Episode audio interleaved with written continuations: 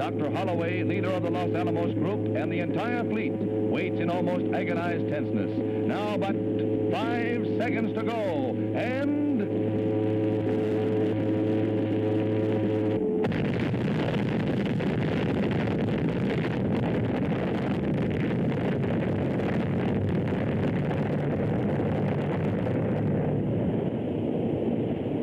The awful roar of the blast, equal to a discharge of 60,000 depth charges, each weighing 600 pounds, strikes the ears of the observers. Many miles away, the raging might of searing flame.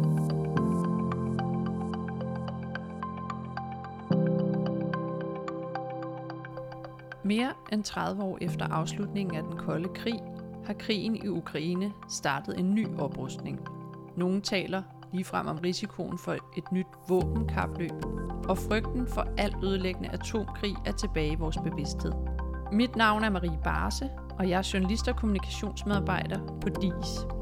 I dagens udgave af Verden til Forskel ser vi på, hvordan atomoprustning kan få store konsekvenser, både lokalt og for hele verden. Og til at hjælpe mig med det har jeg dig i studiet, seniorforsker Rans van Mønster. Velkommen. Tak. Omdrejningspunktet for din forskning er nemlig eftervirkningerne af den sidste atomoprustningsperiode under den kolde krig.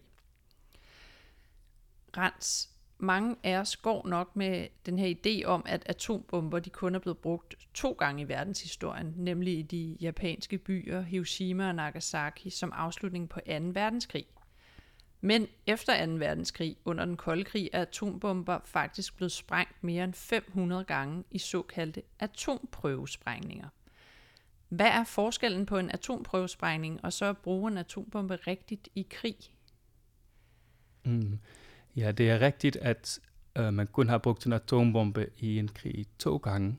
Um, og dermed kan man få den opfattelse, at brugen af atomvåben uden for krig ikke er en øh, rigtig brug af atomvåben, men netop bare en prøvesprængning.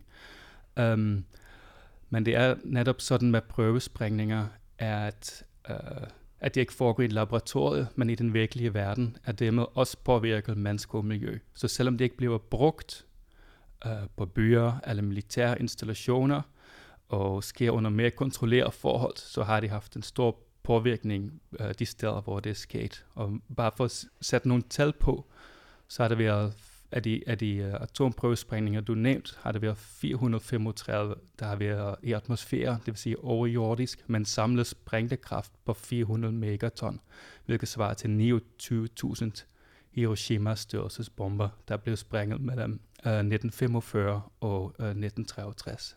Jeg tror, at de fleste tænker det her med, at, at en atomprøvesprængning netop er sådan laboratorieagtigt, altså ligesom du kan lave forsøg i et forskningslaboratorium med reagensglas og sådan noget, og, og derfor at det sådan er noget helt andet og meget mere kontrolleret.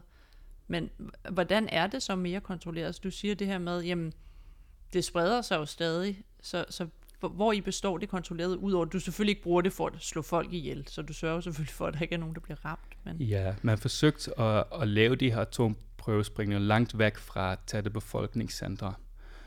Um, så Stillehavsområdet er et område, hvor der blev, blev øh, gennemført rigtig mange sprængninger, både af USA, men også af Frankrig, uh, og englænderne sprang uh, uh, i Australien. Um, så man har forsøgt at pege på mere isolerede steder, men det viser sig bare, at de steder ikke var så isoleret. Det er faktisk mennesker, der bor der, og som blev udsat for de negative konsekvenser af det. Så hvor vi med atomkrig ofte, især under den kolde krig, tænker på en øst-vest-konflikt mellem USA og Sovjetunionen, så får det her en mere global syd-dimension, og det er faktisk befolkningen i det globale syd, der er blevet uh, mest udsat for de skadelige effekter af atomvåben. Altså, det har været områders tidligere kolonier og, og ja, fattigere har, dele af, verden. Ja, det har været tidligere kolonier, um, som Australien, um, Fransk Polynesien, Marshalløerne, og så har det også været ofte øh, oprindelige folk, for eksempel USA's øh, prøv, testsite i Nevada, um, øhm, der, der, der boede de oprindelige folk. Så selv når det har været på deres eget territorium, så, så har det gået ud over nogle marginaliserede befolkninger.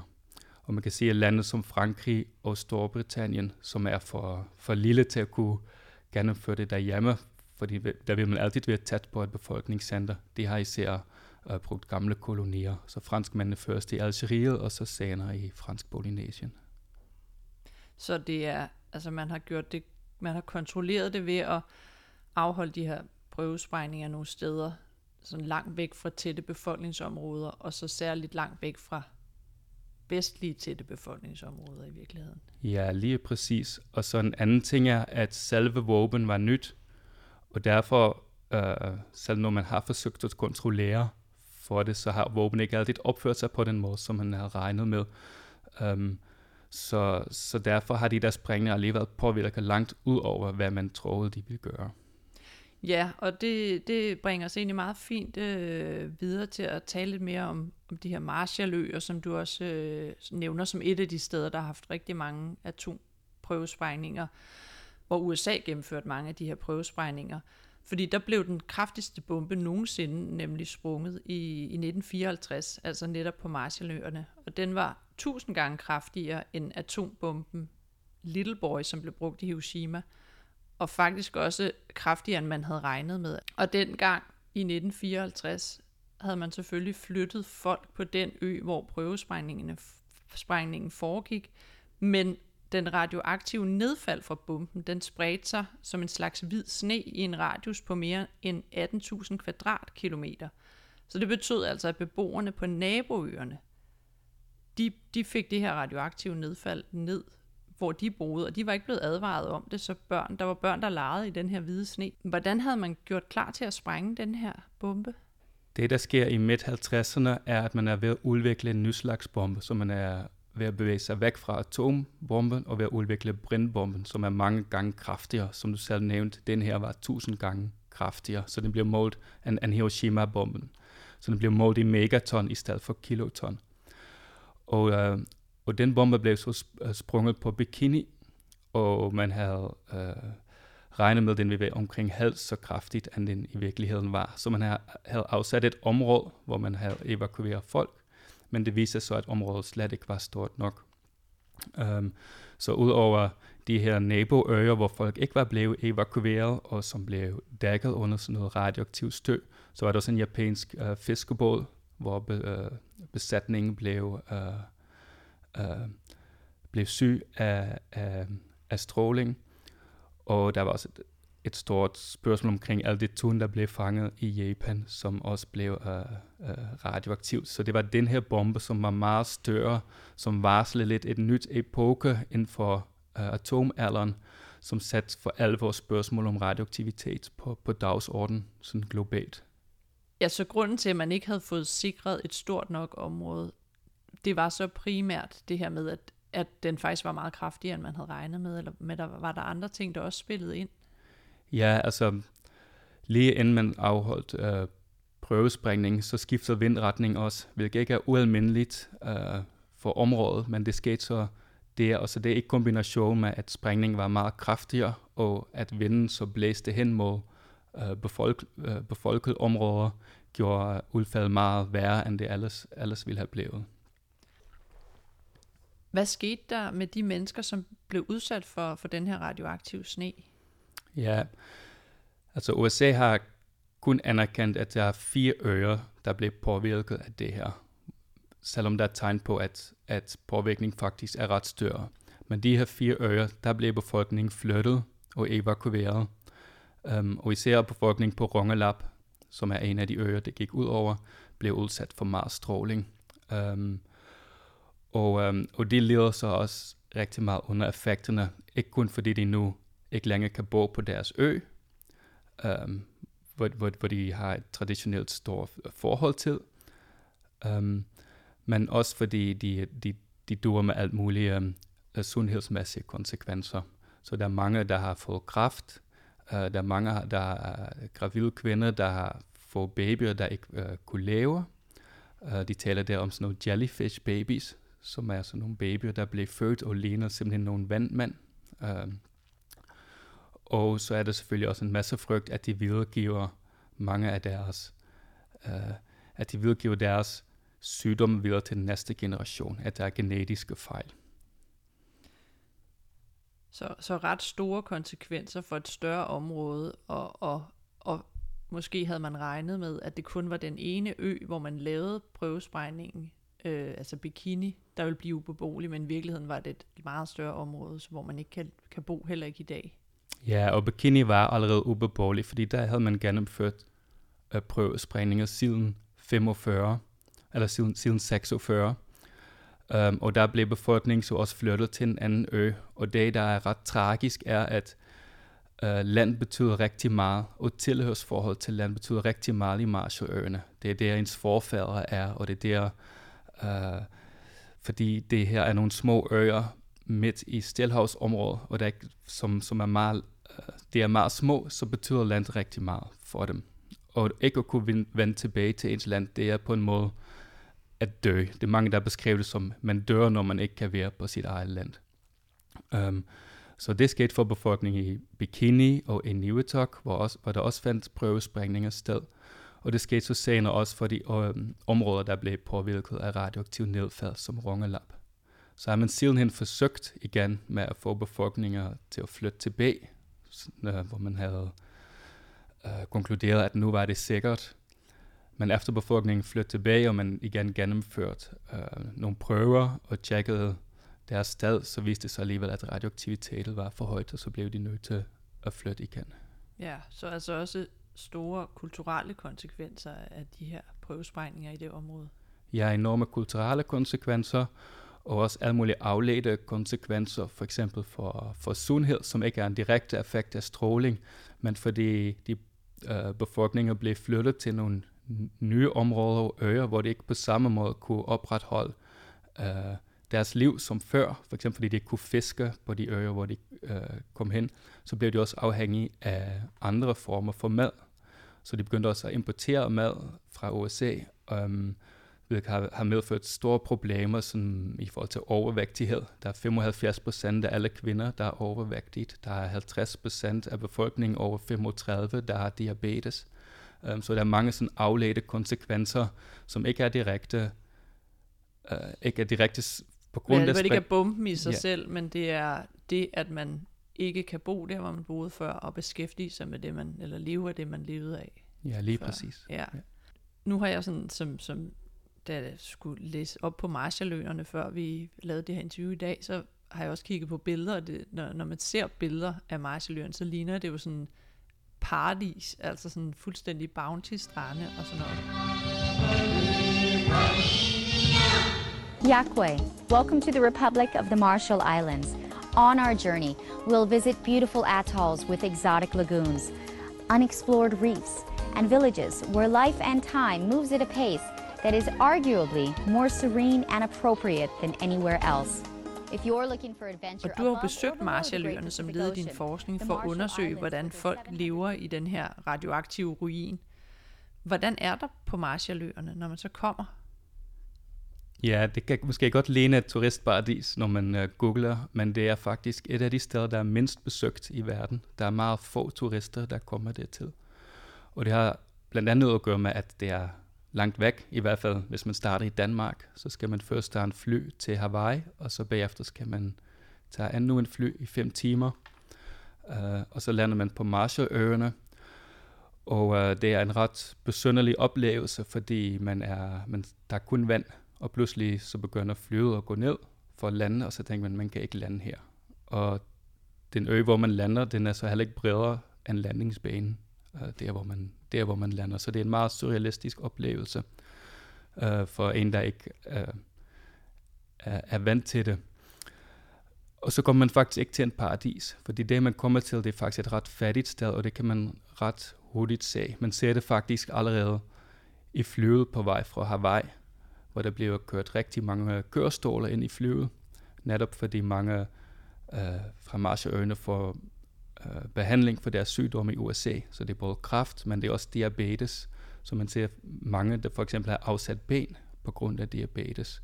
Der er mange problemer med alkohol. Der er en meget lav øh, øh livsforventning, altså det er meget lav, lav alder, så de bliver omkring 70 år gamle, så befolkningen er meget ung, og så er der mange selvmordsproblemer og alkoholproblemer. Så på den måde er det faktisk ret øh, det ligner et paradis, men det er et sted, hvor der er mange sociale og, øh, problemer. Ja. Og, og det er der jo sikkert mange grunde til, men, men forskningen peger i hvert fald på, at, at de her atomprøvesprængninger, som gjorde, at, at dele af Marshalløerne blev beboelige, det har formentlig i hvert fald været for med til at forværre de, nogle af de her problemer.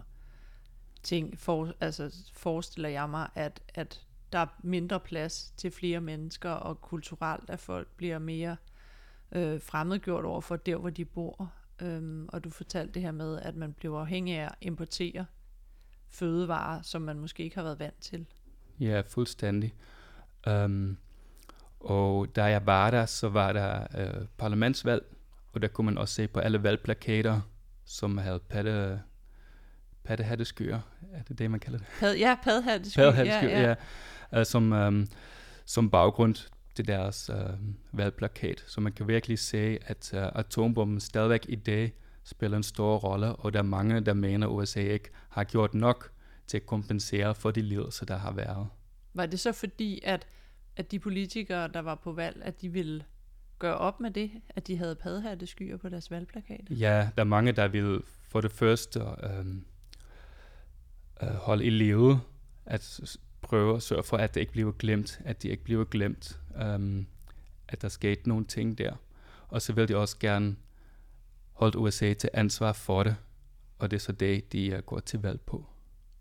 Du skulle ned for at forske og for, for at tale med, med lokalbefolkningen om at leve med konsekvenserne af de her atomprøvesprængninger. Men der var, det, der var det ret svært at få tilladelse til at komme som forsker. Hvordan kan det være?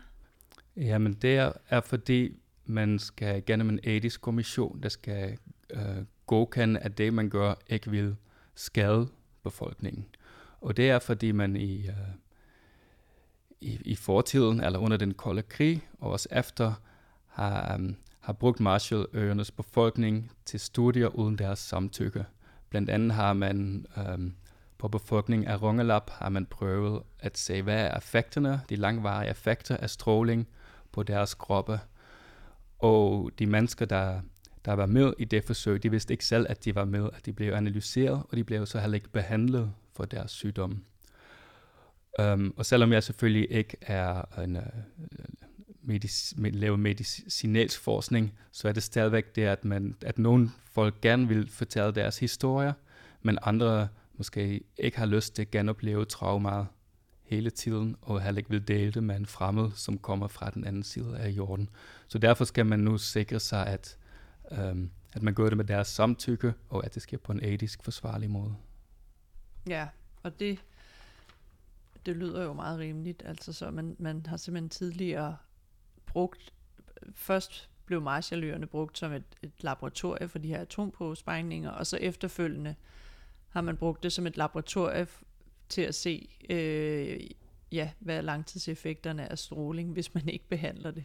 Ja, og på den måde har de virkelig blevet brugt som forsø øh, forsøgsdyr.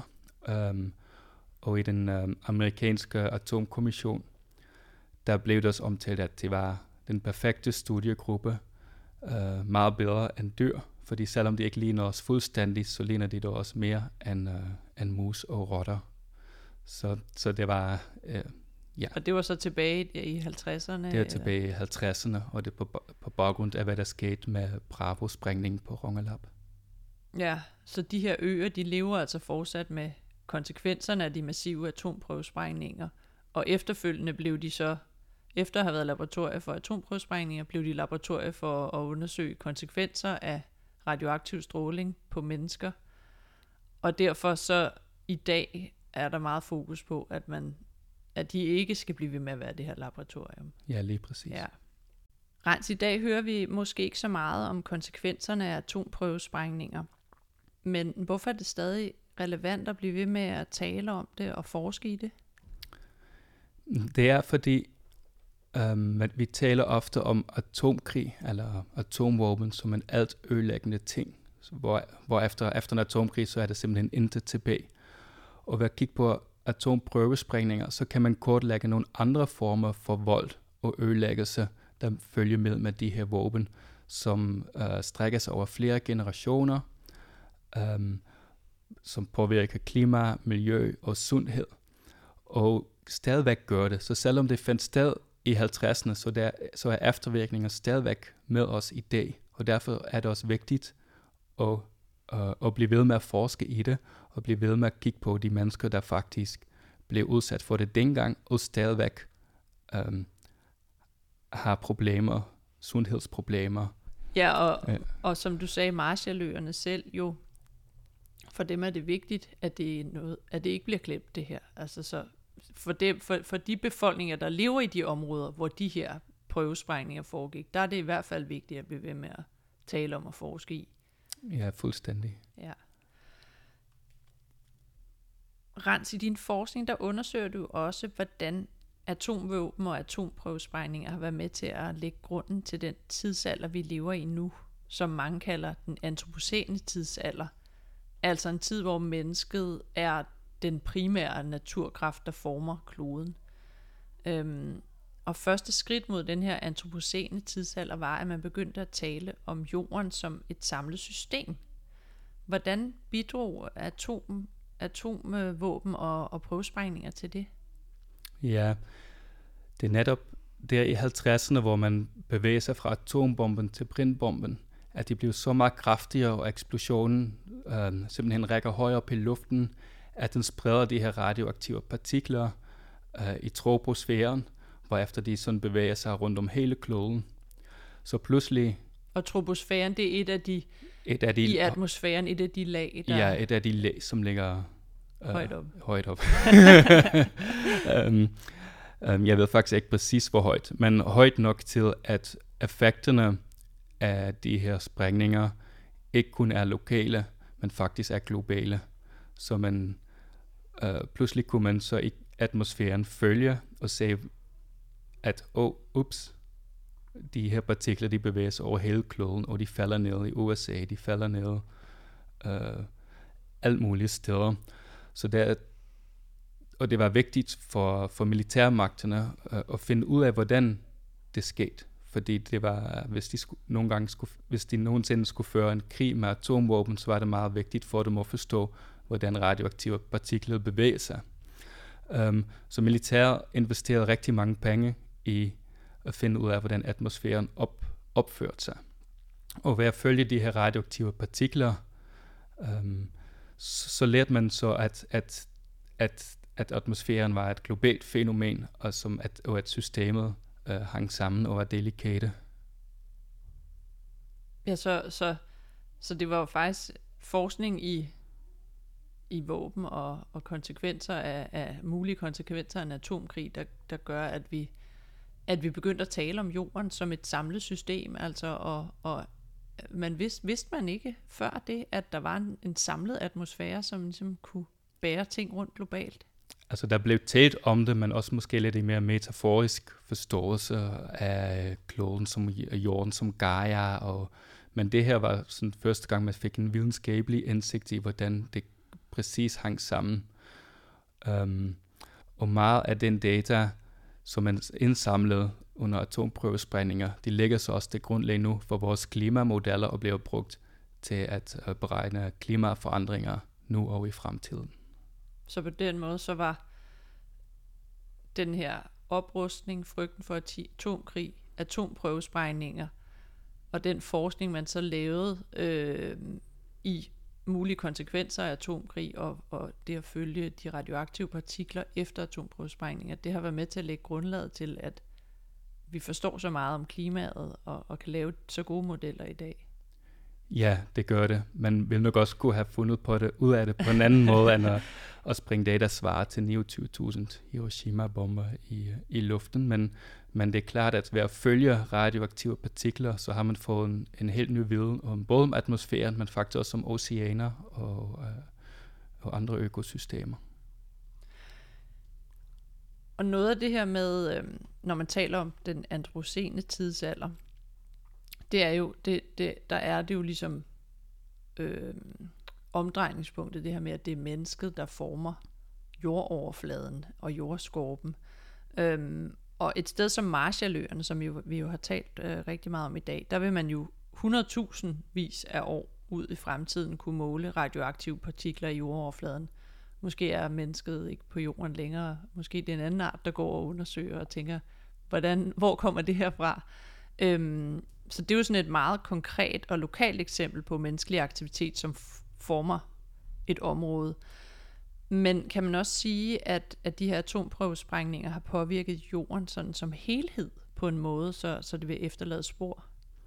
Ja, fordi mange af de her sprængninger, især brindbomben, de har haft de her globale effekter, hvor, de har, hvor radioaktiv nedfald ikke kun faldt ned over Marshalløerne, men over hele, hele kloden.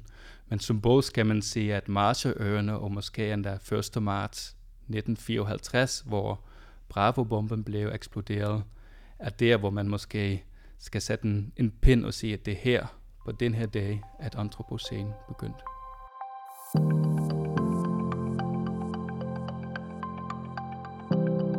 Med de ord, der, øh, der slutter vi dagens udgave af Verden til Forskel. Tak for, at du var med i dag, Rans, og gjorde os klogere på atomprøvesprængninger og de globale konsekvenser. Selv tak.